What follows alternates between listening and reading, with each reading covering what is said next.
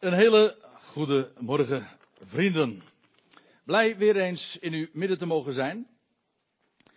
En ik wil u graag bepalen bij het thema wat hier staat geprojecteerd. Ik zal vaak trouwens achterom moeten kijken. Normaal gesproken kijk ik recht voor me en dan zie ik op het scherm de, de dia's ook geprojecteerd. Maar het scherm doet. Ja, maar dat kan ik niet zien vanaf deze afstand, Arjan. Ja, ik heb wel een bril, maar. Nee, dan kan ik beter achterom kijken. Dus vergeeft u mij deze uh, onbeleefdheid als, ik iedere keer, uh, als u iedere keer naar mijn rug moet kijken. Maar, uh, daar moet ik trouwens nog iets bij zeggen. Er is iets misgegaan en dat kan mijn fout zijn. waar het mis is gegaan, weet ik niet. Maar bij de schriftlezing van zojuist. Want het was de bedoeling eigenlijk dat juist die laatste versen van Galaten 5 gelezen zouden worden. Daar lag het accent op. Ja, nee, het kan heel goed zijn dat ik die fout gemaakt heb. Maar uh, die zijn juist niet gelezen. En u vond het misschien ook erg vreemd dat, ik, dat Mirjam juist uh, daar stopte. Uh, maar goed, dat heb ik dan bij deze dan ook even rechtgezet. De bedoeling was dus heel gelaten 5, althans tot het einde toe te lezen. Want daar vinden we namelijk ook die uitdrukking waar dit thema aan ontleend is. Gelaten 5, vers, wat is het? Vers 25, als ik me niet vergis. Ja, door de geest leven. Nou ja, daar gaan we vanzelf straks ook nog naartoe.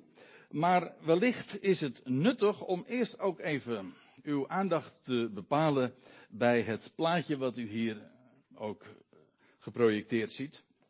Die duif met die olijftak, dat is een bekend symbool, die olijftak in zijn snavel. Het is u niet ontgaan, zojuist is er ook al op gewezen, in de christelijke wereld wordt vandaag, wordt deze dagen het Pinksterfeest gevierd, herdacht. Nou moet ik u eerlijk bekennen dat ik persoonlijk niet zo heel veel heb met de, de kerkelijke kalender. Ik, eh, ik kan niet zoveel connecties leggen met wat de schrift daarover zegt. Maar ik wil daar niet zuur over doen, want ik vind het altijd toch wel weer een hele mooie aanleiding om allerlei bijbelse onderwerpen, zoals in dit geval de geest en alles wat daarmee verband houdt, voor het voetlicht te brengen. En dat wil ik vanmorgen ook graag doen. En dat ziet u natuurlijk ook duidelijk. Door de geest leven. En dat wat Paulus vanuit Galaten 5 daarover naar voren brengt. Maar eerst nog eventjes dit, dat embleem, dat plaatje. En dat voert ons helemaal terug in de geschiedenis. Duizenden jaren geleden, toen daar ooit een grote vloed op deze aarde was in de dagen van Noach. En u weet, al wat leef was omgekomen. Uitgezonderd dat wat daar op die ark zich bevond. En dan lezen we dat op een gegeven ogenblik inderdaad die, uh, er een duif wordt uitgelaten door door uh, Noach. En dan die duif komt op een gegeven ogenblik bij de tweede keer terug met die verse olijftak. Maar laat ik u eerst dan nog even meenemen naar wat daarvoor plaatsvond. Want wat lees je in Genesis 8? En echt, ik kom bij mijn onderwerp, maar ik wil eerst eventjes duidelijk maken hoe prachtig symbool dat is van die duif en dat verse olijftakje. In Genesis 8 vers 4 daar lees je dat op de zeventiende van de zevende maand, en dat zou later, ik ga dat nou niet toelichten, want dat zou echt te ver voeren, maar dat zou later de eerste maand worden, de maand Nisan. En op de zeventiende van die dag, van die maand, dat wil dus zeggen drie dagen na de veertiende, drie dagen na het Paascha, op die dag liep de ark vast op het gebergte van Ararat, of op de berg Ararat. En dat is zo mooi. Want als ik u dan vertel dat op die dag dus voor het eerst de ark vaste grond kreeg. En weliswaar waren de doodswateren, want daar staan die wateren natuurlijk toch duidelijk symbool voor. Die doodswateren die bedekten nog de hele aarde en niets van de aarde was nog zichtbaar, maar niettemin de ark, op zich al een uitbeelding van redding, had vaste grond gekregen. En dat loopt parallel en valt precies zelfs op, de dag nauwkeurig samen met de dag dat Christus Jezus verrees uit, de uit het graf. En dat de ark vaste grond vond. Hij steeg op uit de doden. Dus de dag dat de ark vastliep op het gebergte van Ararat, dat komt overeen met de dag dat de Heer Jezus Christus opstond uit de doden. Vaste grond. De doodswateren die weken. En dat was nog niet zichtbaar, maar de vaste grond was gevonden. En dat is precies wat er gebeurde ooit op die dag toen de steen weggewenteld werd. Toen werd de eersteling opgewekt en dat was de garantie voor wat eens zal gaan gebeuren, namelijk dat het leven compleet zal overwinnen en dat de dood teniet gedaan gaat worden. Nou, dat is in een notendop eigenlijk toch het hele evangelie. Moet ik trouwens nog iets bij zeggen, dat woordje Ararat, dat is prachtig, want Ararat dat betekent, dat komt van Arar en dat betekent omkering en het heeft te maken met de omkering van de vloek. Dat is wat het woord betekent. De vloek wordt omgekeerd in zegen. De dood wordt omgekeerd in leven. Leven dat de dood achter zich heeft. We gaan even verder, want dit vond dus plaats op de 17e van de zevende maand. Dan lees je in Genesis 8, vers 6. Na verloop van 40 dagen, ik sla toch echt het een en ander over, ik kan niet alles toelichten, maar even de draad vasthouden. In verband met de grote heilsfeiten ook. Na verloop van 40 dagen opent Noach het venster. En waar denken we dan aan? Wat 40 dagen later plaatsvond. Toen werd de opening naar de hemel gemaakt. Toen ging hij op, toen steeg hij op ten hemel. Demonstratief. Uiteraard bepaalt ons dit bij de hemelvaart. En, ik ga verder. Dan lees je in een, een paar versen later nog, in vers 10 en 11 van dat Genesis 8 nog weer tien dagen later, ongeveer. Het staat er namelijk niet uh, op de dag nauwkeurig. Maar kijk het maar na. Dan komt u inderdaad tot dat getal. Na ongeveer weer tien dagen komt de duif terug. Nou ja, daar had ik het zojuist al even over. Met een vers olijftak in haar snavel.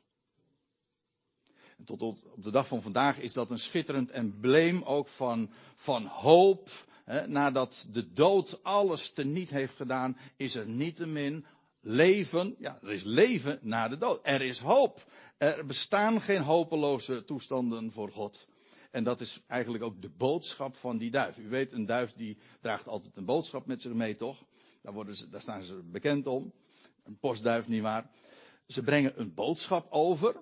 Wel, deze duif brengt inderdaad een boodschap over, namelijk van nieuw leven. Daarbij komt trouwens dat die duif uh, in de Bijbel ook een, weer op een andere wijze een type is van de geest. Want dan moet ik weer denken aan een andere ge gelegenheid, een andere gebeurtenis, dat ook iemand opstond uit de wateren. Ja, hij stond op uit de wateren bij de doop van Jezus, daar heb ik het nu over. Hij stond op uit de wateren en dan lees je dat de hemelen zich openden. En een stem klonk uit de hemel, maar dat niet alleen. Er daalde een duif, de geest staat erbij, de geest die daalde in de gedaante van een duif op de schouders of op de Heer Jezus neder. Zodat die duif inderdaad een uitbeelding is van de geest. Die geest die heeft een boodschap. Namelijk van nieuw leven, want dat is uiteraard waar dat olijftakje van spreekt. Het was groen, vers, een vers olijftakje, waarbij uh, een olijf trouwens niet zomaar leven is, maar het is leven met hoofdletters. Leven dat namelijk onvergankelijk is, daar spreekt het van. Ik weet ook wel dat een olijfboom niet echt uh, onsterfelijk is, maar neemt niet weg dat het wel een uitbeelding daarvan is. Een olijfboom sterft in principe namelijk niet. Het is een boom die zichzelf regenereert en daarom ook duizenden jaren oud kan worden en in principe niet sterft, eh, als je hem tenminste niet ommaakt. U begrijpt wat ik bedoel. Daar komt nog iets bij trouwens, dat, dat spul wat een olijfboom levert, namelijk olie, olijfolie, ook een prachtig beeld is van de geest. Wat lampen doet branden. Of waarmee koningen of priesters gezalfd werden. Ik kan het ook op zijn Hebreeuws zeggen. Waardoor iemand een koning of een priester een messias werd. Of op zijn Grieks de Christus werd. Dus linksom of rechtsom, uh, uh, het bepaalt ons toch elke keer weer bij die geweldige waarheid dat eens de dood werd overwonnen, de vloek werd omgekeerd, de hemel ging open. En let inderdaad op die dateringen al in Genesis 8. Dat is niet voor niks, uiteraard. Al heel de Bijbel hangt samen en het een legt het ander uit. En dan vervolgens, de vijftigste dag, nog weer tien dagen later, dat daar die geest, die, olij, eh, pardon, die duif, de boodschap van nieuw leven met zich meedraagt. De geest bepaalt ons bij nieuw leven. En dan bedoel ik echt leven. Als een historisch feit. In het verleden, 2000 jaar geleden, stond hij op uit de doden. Dat is, dat is echt leven. Wel.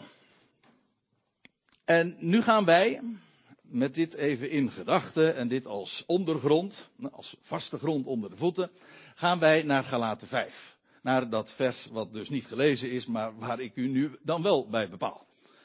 Uh, want dit is eigenlijk de, de clue van morgen wat ik, vanmorgen, uh, wat ik uh, wil doorgeven. Dit vers.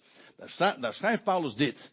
Indien wij door de geest leven, laten wij ook door de geest het spoor houden. En op beide zinsdelen wil ik graag u wijzen en een aantal dingen daarover naar, vanuit de schrift ook laten zien.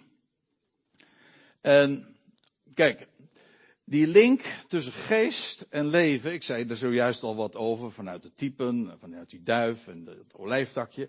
Maar, in het maar je kunt nog, zeg maar, meer tot zijn, tot de roots terugbrengen en dan, dan zie je dat geest en leven uh, eigenlijk synonieme begrippen zijn. Wie de geest ontvangt, ontvangt leven. Geest en leven, dat zijn onderling uitwisselbare woorden eigenlijk. Net zo goed zoals u weet dat als een mens de geest geeft, ja, dan gaat hij dood. Dan sterft hij. Dan heeft hij geen leven meer. Dus geest en leven. Maar wat je hier dus ziet in Galaten 5, en dat brengt Paulus naar voren, en laten wij door de, eh, in, pardon, indien wij door de geest leven, aan, dat wil zeggen, indien, in de zin van, aangezien wij door de geest leven, laten wij dan ook door de geest het spoor houden. Dat is een logische gedachtegang.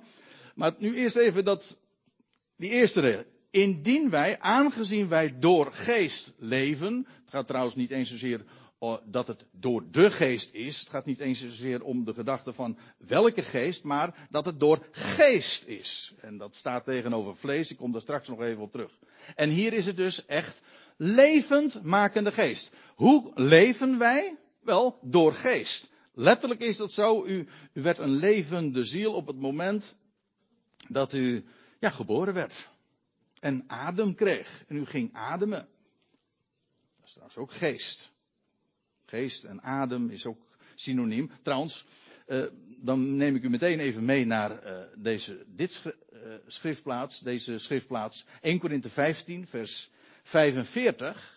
Want daar, daar zet, Paulus dat zo prachtig uiteen. Een prachtig hoofdstuk natuurlijk. Fenomenaal over het centrale feit waar alles om draait en waar alles op gebaseerd is, namelijk de opstanding. Daar zegt Paulus dit in vers 45. Ja, u ziet de rand uh, valt een klein beetje ook weg. Dat, loopt, uh, gaat vandaag het een en ander mis, maar goed. Uh, we hebben allemaal wat, nietwaar? Hm? Dat is allemaal raar. Dat hebben we van tevoren al even vastgesteld. Dus daar vallen we elkaar ook niet te zwaar over.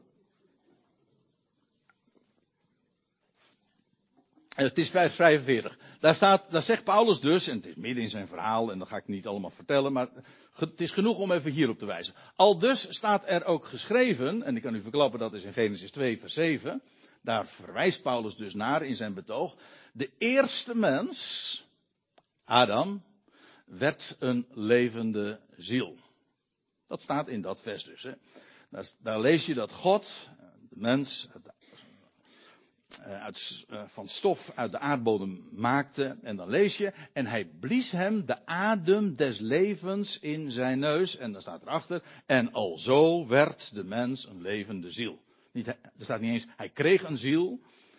Dat zijn meer Griekse gedachten, maar de Bijbelse gedachte is, een mens is een ziel. Een, en hoe wordt hij een levende ziel? Of hoe werd hij ooit een levende ziel? Wel doordat hij ging ademen. Dat is geest. Dat kun je niet zien. Geest kun je nooit zien. Dat, is, dat maakt het begrip altijd wat, uh, wat abstract. Of in ieder geval.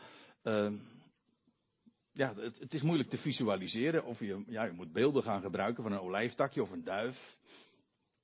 Maar je kan dat niet zien. Zoals je de wind ook niet kunt zien. En adem kun je niet zien. Je kunt hooguit de uitwerking ervan merken. U ziet mij niet ademen, maar u merkt dat ik adem. Anders stond ik hier namelijk niet. Hm? Kijk, Adam werd een, werd een levende ziel. Maar dat is, dan praten we over vergankelijk leven.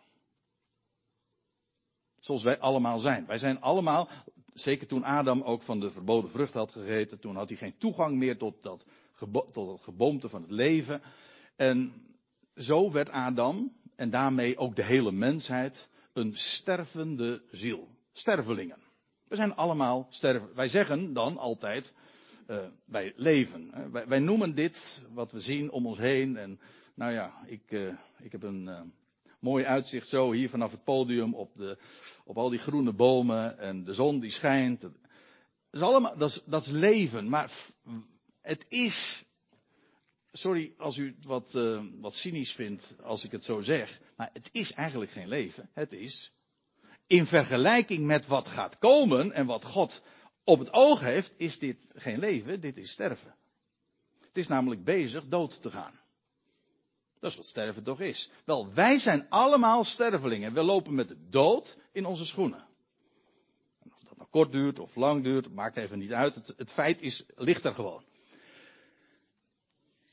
Dit is vergankelijk leven. Maar wat Paulus bedoelt te zeggen en wat hij, dit is een opstapje om namelijk iets anders naar voren te brengen. Hij zegt, Adam, hij werd een levende ziel. En vervolgens, toen, na verloop van tijd, werd hij een stervende ziel. En met hem alle mensen.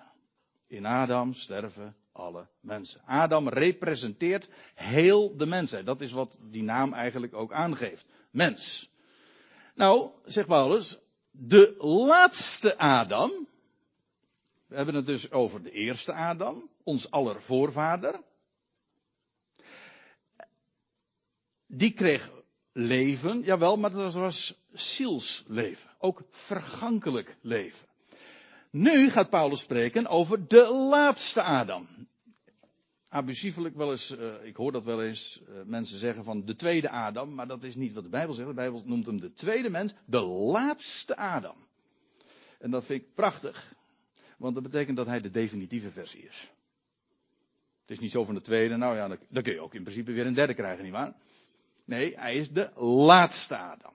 Hij staat ervoor garant, namelijk dat het allemaal goed komt. De laatste Adam, en die uitdrukking, ik zei het al even, Adam wil zeggen mens. Hij representeert heel de mensheid.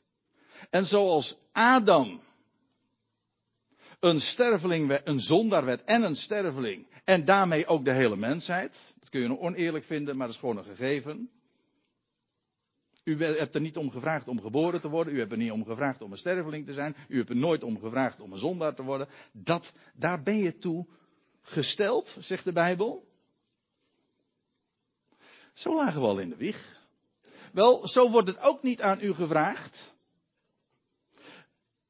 om levend gemaakt te worden. En gerechtvaardigd te worden. Wat God op het oog. Bij God gaat er nooit iets mis. En die eerste aannam, dat was alleen maar een noodzakelijke uh, voorbereidende fase. Het ging om de laatste Adam. En die laatste Adam, let op, de laatste Adam, heel de mensheid sluit hij in. Natuurlijk ieder in zijn eigen rangorde, tot je dienst, maar heel de mensheid zal het lot gaan ondervinden van de laatste Adam.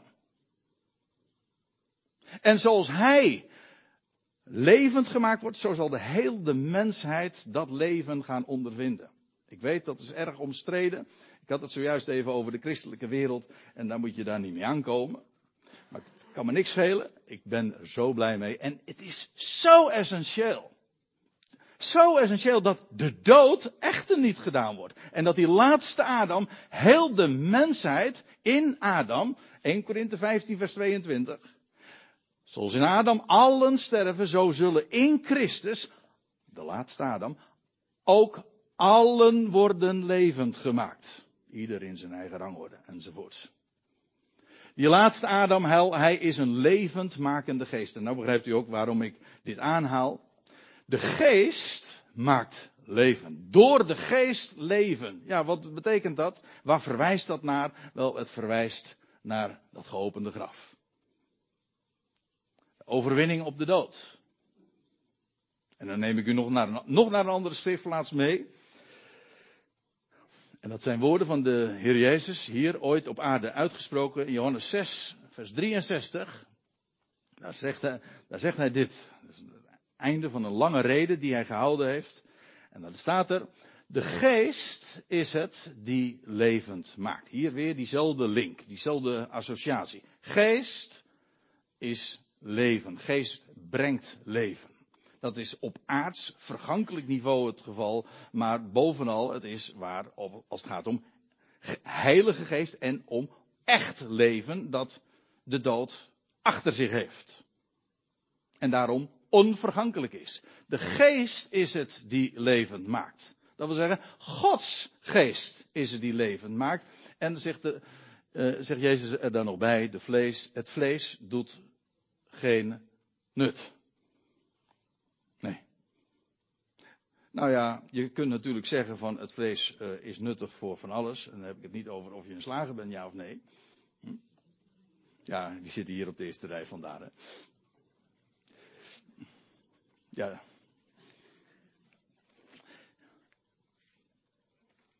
En je kan trouwens allerlei uh, nuttige dingen van het vlees. Maar voor één ding heeft het vlees geen enkel nut. En dat is als het hier om gaat levend maken. Sterker nog, het vlees is juist onderhevig aan de dood. En wat een mens ook allemaal bedenkt en kan, bij de dood houdt het op. Dat is het halt, dat is de muur waar je tegenaan loopt. Dan, en dan, uh, en wat je afkomst dan ook is, en wie je ook bent en wat je allemaal gepresteerd hebt, maakt allemaal geen enkel verschil. Dan zijn we allemaal, zitten we in hetzelfde schuitje.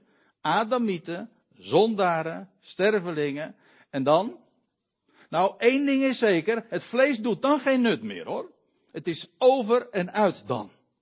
Dus als er hoop is, en die is er, maar dan moeten we het, dan moeten we het van boven verwachten. Wel, en dat is de boodschap. Weet u wel, die duif. Dat verse olijfdakje. Er is leven, maar uiteraard hebben we dan alles te verwachten van de levende God. Waarom zou die de levende God genoemd worden? Hij is de levende God omdat hij, ja, leeft, maar hij geeft ook leven. Hij maakt levend. En voorbij de dood. Zodat de dood niet het eindpunt is. Integendeel, het is het startpunt. Ik zeg heel graag, ons plafond dat is zijn vloer. Daar waar wij eindigen, daar begint God. De geest is het die levend maakt. Het vlees doet geen nut. En nou gaat Jezus er nog iets bij zeggen. En ik vind dat prachtige woorden. Omdat dat maar het, het, het begrip geest ook ineens veel concreter maakt. Ik zei al, je kunt niet zien. Dat is wat geest is. Het is eigenlijk een verzamelnaam voor alles wat je niet kunt zien. En toch, geest is een concreet begrip. Uh, wat zegt de Heer Jezus? De geest is die levend maakt, vlees doet geen nut, waarvan akte. De woorden die ik tot u gesproken heb, zegt hij dan tegen zijn discipelen en degenen die, die om hem heen stonden, die zijn geest en zijn leven. Dat wil zeggen, dat wat hij uitsprak, en wat hij uitsprak waren de woorden van zijn vader, de woorden van God. Gods woord is geest Ja, je kunt niet zien. Het komt uit hem voort. Hij spreekt, het is zijn adem. En, en met zijn geest brengt hij ook leven, zoals Adam dat ooit ondervond. De adem werd in zijn neus geblazen en alzo werd Adam een levend wezen. Wel, dat, dat is het fundamentele principe. Er is er één die leeft en leven kan geven.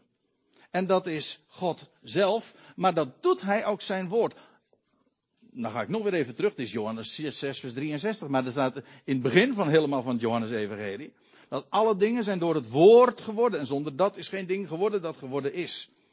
Alles is voortgekomen uit het woord van God. Gods woord is kracht. Gods woord is leven. Gods woord is geest en leven. Maar dan ook op het hoogste niveau, want daarover heeft de Heer Jezus trouwens zojuist ook gehad in Johannes 6. Heeft het ook over zijn dood en bovenal zijn opstanding. De woorden, mensen, wat is, ja, laat ik het zo zeggen. De woorden die we hier hebben, dat is geïnspireerd. Daar zit de spirit in, hè. Dat wil zeggen, dat is geest, begeesterd, doorademd van Gods wegen. En daarom is dat woord levend. Dat woord hoef je niet mooi te maken. Dat woord is levend en krachtig. Spreek het, geloof het en doet zijn werk. De woorden die ik tot jullie spreek, zegt, God, zegt de Heer Jezus, de woorden Gods dus, dat is geest en leven. En wat betekent het nou? Dat je de geest hebt. Mirjam wees er zojuist al even op over dat de geest woning maakt in ons. Ja, hoe? Hoe anders dan door zijn woord? Als dat woord tot ons komt en in ons hart dringt. Dan geloven we het. Op het moment dat het in ons hart komt, dan beamen we het. Maar dan wordt, een mens ook, Efeze 1, vers 13, wordt een mens verzegeld. Het woord van leven komt tot je.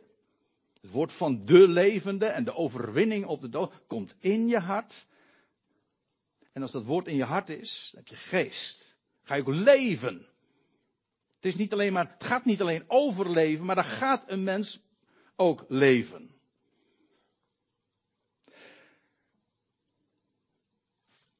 De woorden die ik tot jullie sprak, tot u gesproken heb, die zijn geest en zijn leven. en nou neem ik u nog weer eventjes mee. Terug naar Galaten 5. Want ik zei al, dat is die, de, de uitvalsbasis van vanmorgen. Dat vers 25 van Galaten 5. Indien wij door de geest leven. Nou, ik hoop dat ik dat nu inmiddels heb vastgesteld. Een mens leeft door geest.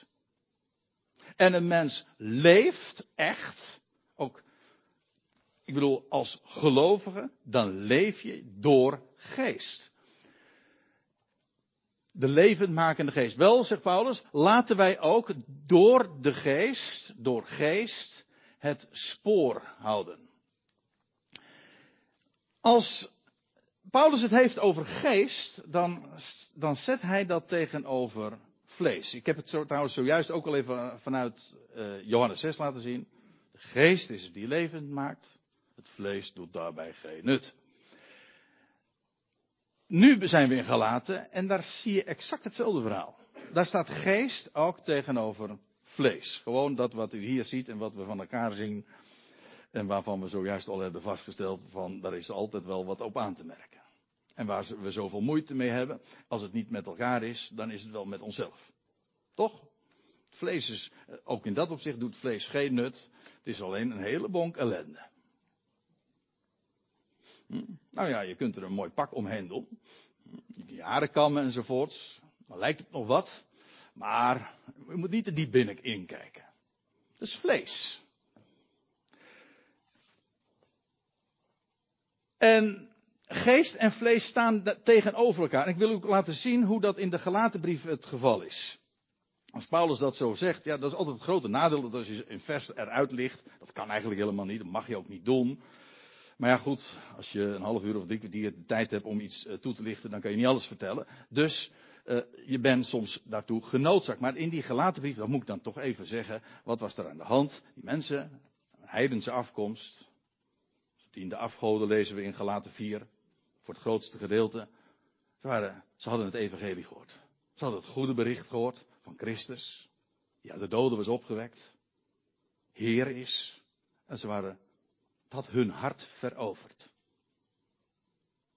En waren de mensen vervolgens gekomen, Paulus had zijn hielen gelicht en was weer verder gegaan. En waren de mensen gekomen, Judaïsten lees je, in Galaten 2. En die wilden de mensen daar in Galatië, in al die gemeenten, ecclesia's, onder de wet brengen. Ze, ze promoten de besnijdenis en het vieren van allerlei hoog, hoogtijden, zoals we die lezen ook in de boeken van Mozes. Ze wilden de mensen verjood judaïseren. Dat is de uitdrukking in Galaten 2 vers 14. Lees het maar eens na. Joods maken. En dan wordt Paulus een partij furieus als hij dat uh, te horen krijgt. Dan valt hij ook meteen in gelaten 1 met de deur in huis.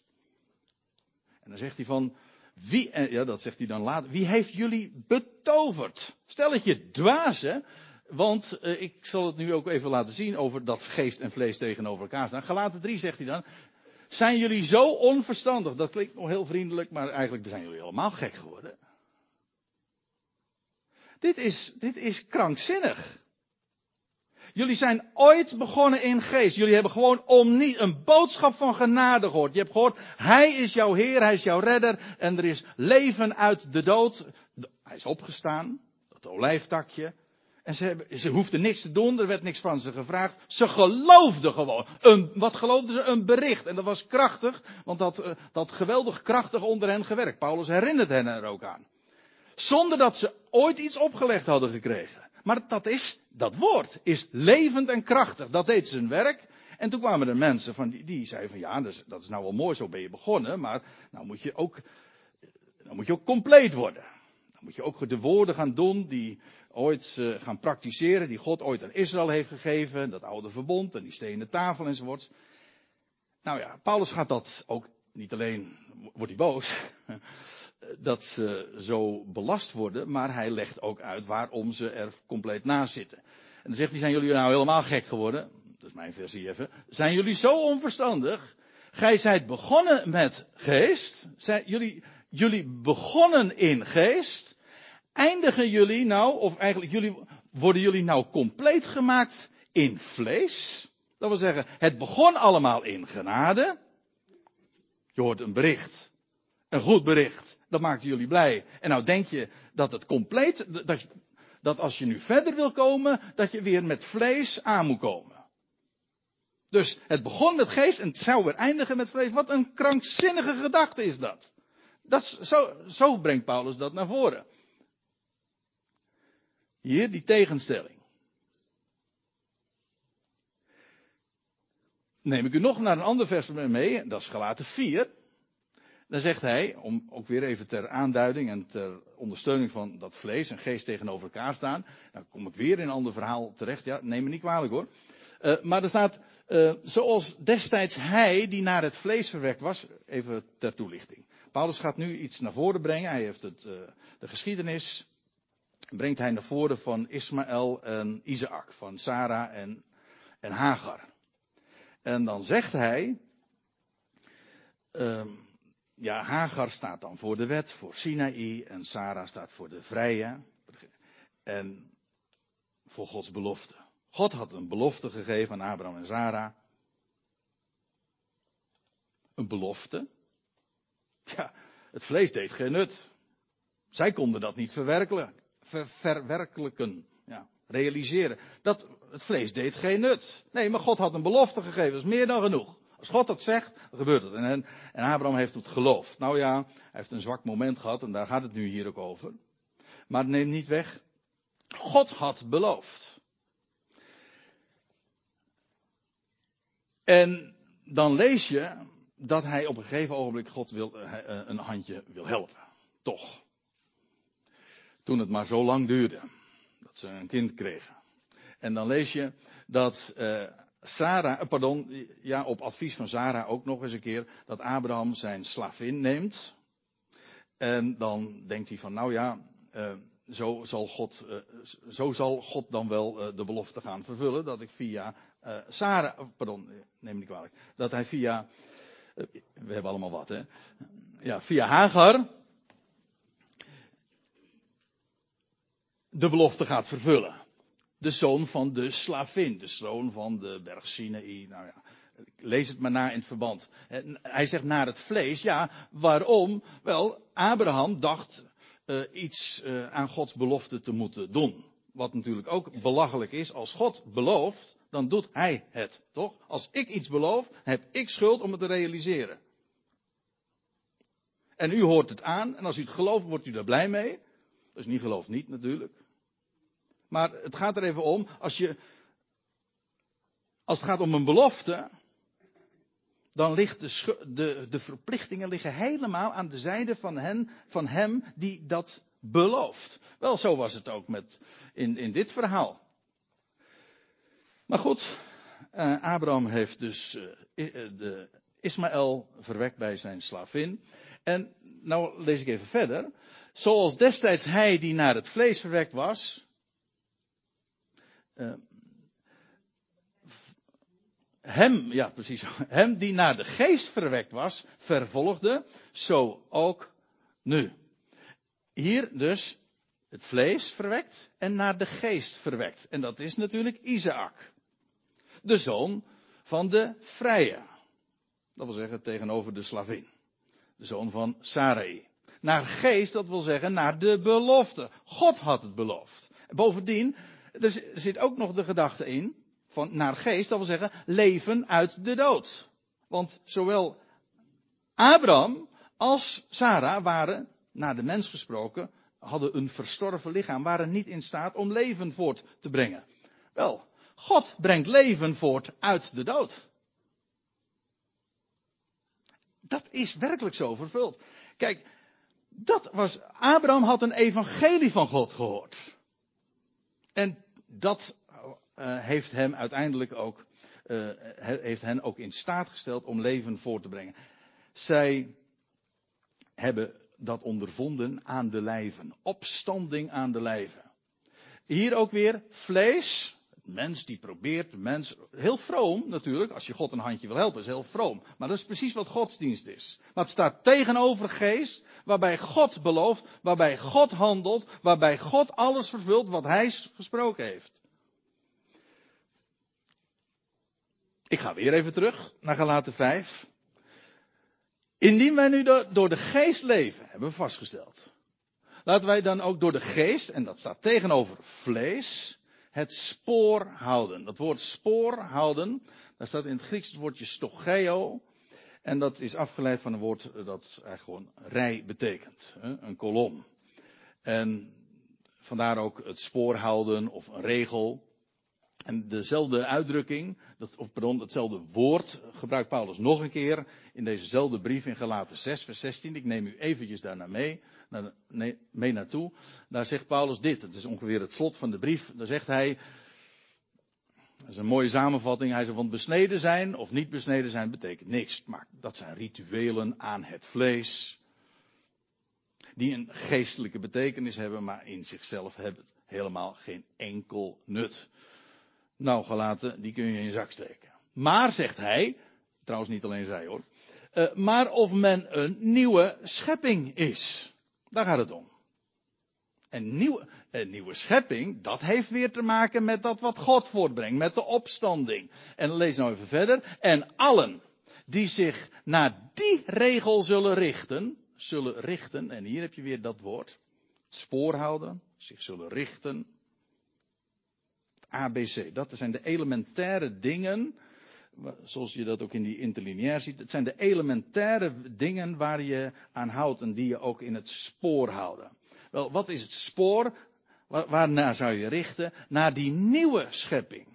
Of de geest. Nieuw leven. Dat olijftakje. Opstanding uit de doden. Wel, allen die zich naar die regel zullen richten, vrede en barmhartigheid komen over hen. Nou, nou wil u natuurlijk uh, uh, nog wel iets weten. En dat is, wat betekent dat dan in de praktijk? Nou, daar heb ik een hele mooie afsluitende vers voor. Want dat is ook niet voorgelezen. Maar dat wordt hoog tijd dat we dat dan toch wel eens even nu gaan doen. Galaten 5, vers 22. De vrucht van de geest. En dat is, beantwoord dus de vraag, wat die geest nou uitwerkt. Geest, ik heb het laten zien, het heeft alles te maken met de levenmakende geest, met het feit van de opstanding, leven uit de dood. Wat God doet, waarbij de mens totaal niks aan kan bijdragen, het vlees doet geen nut, 0,0. De geest maakt levend. Wel, zegt Paulus, al indien wij door de geest leven, dat vastgesteld hebbend, laten wij ook door de geest het spoor houden. Het begint bij geloof. Het begint bij genade. Het eindigt daar ook mee. Die geest zorgt er niet alleen maar voor dat een mens leven krijgt. En hoop krijgt. Die geest zorgt er ook voor dat we het spoor houden. En daaraan kunnen we spiegelen, daaraan kunnen we, daarmee kunnen we inderdaad ook wandelen. Wandelt door die geest. Niet die stenen tafelen, daar heeft Paulus het niet over. Integendeel, daar staat het juist tegenover. En bovendien, degene die die geest ontvangt, die vervult die wet en passant. Dat wil zeggen, die heeft lief. En liefde is de vervulling van de wet. Al die, al die bepalingen in die, op die tweede tafel, weet u wel, die, die kwamen er toch neer. Je zult niet doodslaan, je zult niet echt breken, je zult niet, eh, geen vals getuigenis spreken. Al die dingen komen erop neer dat je je de naaste geen kwaad doet. Wel, wie de ander lief heeft, lief heeft, die vervult daarmee dus de wet. Dat is ook wat Paulus in Galaten 5 zegt. Nu even dit. Hij zegt dit uh, in vers 22. De vrucht van de geest. Maar de vrucht van de geest. En dat staat tegenover de werken van het vlees. Leuk hè? Vlees, geest. Werk, het vlees probeert, doet van alles, maar het heeft geen nut. Sterker nog, het heeft alleen maar ongein tot gevolg. Nou, we hebben het hele lijstje gelezen. Dat hebben, daar uh, eindigde Mirjam mee. Je werd er moe van, als je het hoorde. Al, al die ellende die een mens allemaal kan bedenken en ook nog eens een keertje weet te praktiseren. Maar nut heeft het niet, integendeel. Dat is echt, met recht, zonde. Het leidt tot niks. Maar de vrucht van de geest, ja, is liefde. Let op, de vrucht van de geest is liefde. Het is niet de vruchten, ik, heb, ik hoor dat nog eens een keer gezegd, de vruchten van de geest, dat kent de Bijbel niet. De vrucht van de geest is liefde. Zodat je, ik heb dit plaatje erbij gedaan, uh, om aan te geven, die, dat wat nu gaat volgen, zijn allemaal eigenschappen van de liefde. Dus, wat is de vrucht van de geest? Antwoord, liefde. Met een dubbele punt. Wat is dan liefde? Wel, blijdschap, vrede, langmoedigheid enzovoorts. Acht kenmerken. Acht. Ook weer nieuw leven trouwens. De vrucht van de geest is liefde. Eén vrucht. En let op, dit woordje liefde, dat is agape. Dat is de liefde Gods. Dat is geen genegenheid die we zo kunnen hebben uh, naar onze vrienden of mensen die, uh, voor wie we uh, iets voelen. Dat is, allemaal, allemaal mooi, maar dat is niet wat liefde is. Deze liefde, dus AKP, dat is Gods liefde. God heeft lief. En wat heeft hij lief? Zijn schepping. Waarom? Het is van hem. En iemand die tot geloof komt, die komt tot de erkenning dat er één is, die deze wereld, deze schepping lief heeft en dat bewezen heeft. En die het ook wel gaat maken voor elk schepsel. Kijk, dat is Gods liefde. Die niet stuk te krijgen is. Die geen hopeloze gevallen kent. Dat is evangelie. Minder kunnen we niet doen het evangelie is echt een goed bericht voor elk mens. De liefde Gods overwint. Paulus zegt in, in Romeinen 5 dat de, dat de liefde van God in onze harten is uitgestort. Gewoon als een plensbuis. Zo overvloedig. Andere vertalingen spreken in dat verband ook over verspillingen. Zoveel is het. En er staat erbij, door de geest die ons gegeven is.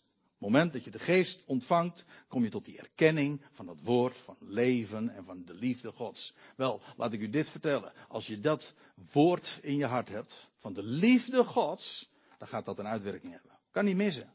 Niet omdat het moet, dat, dat is een vrucht, dat is organisch. Dat is niet het, het uh, resultaat van proberen, dat is werken. Maar dat is organisch. Het groeit. Je, je hebt die liefde leren kennen, dat is een reflectie. Er is ook geen ontkomen aan. Mirjam had het er al over. Zoals de maan dat doet. Die reflecteert de zon. Die schijnt licht. Ja, waarom? Omdat het daarop gericht is. Wie de geest ontvangt, wie het woord in zijn hart heeft, dat wil zeggen de, het woord van de liefde Gods en het leven dat sterker is dan de dood, wel, dat heeft een vrucht. En dat is liefde. Die vrucht is liefde. En wat liefde is, nou kijk het maar eens na in 1 Corinthië 13. Dan vind je al, al die dingen die hier vervolgens genoemd worden, zo, vrijwel allemaal zo terug. De liefde is goede tieren. De liefde krenkt niet de ander. Dat, is allemaal, dat zijn eigenschappen van de liefde. De vrucht van de geest is de liefde. Namelijk de liefde Gods. En wat is dat? Wel, het eerste wat Paulus dan noemt als kenmerk van die vrucht van de geest, namelijk de liefde, dat is blijdschap. Vreugde. En dat bepaalt ons meteen weer bij de genade. Je krijgt zo iets onvoorstelbaars groots. Waar je niets, niente, hoe zeggen ze dat nog in andere taal, voor hoeft te doen en kunt doen. Het is genade. En dat maakt blij. Laat je nooit iets anders wijsmaken van dat het toch eigenlijk via een achterdeurtje toch eigenlijk allerlei dingen weer moeten. Dan ben je bezig met werken. Dat heeft geen nut, laat ik u dit vertellen. En deze dingen, die zijn niet te werken. Je kunt niet, ik kan niet tegen u zeggen, u moet blij zijn. Je kan het wel zeggen, maar het heeft geen nut.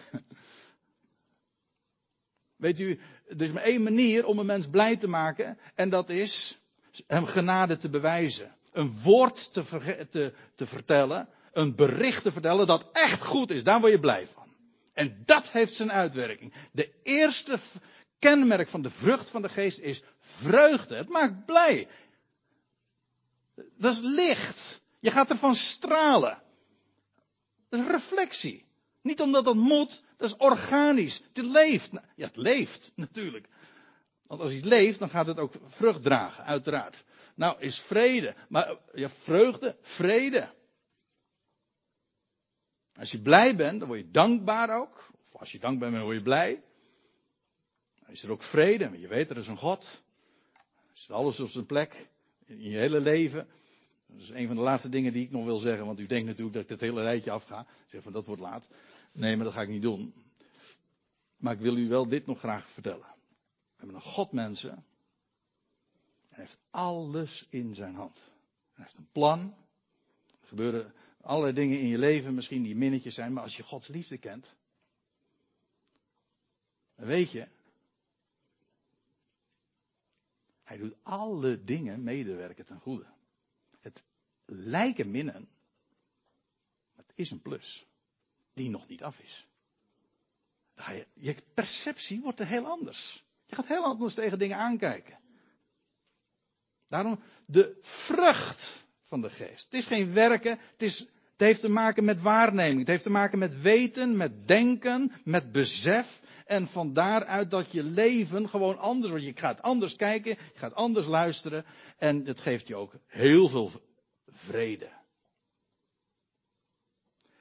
Vreugde, geweldige hoop.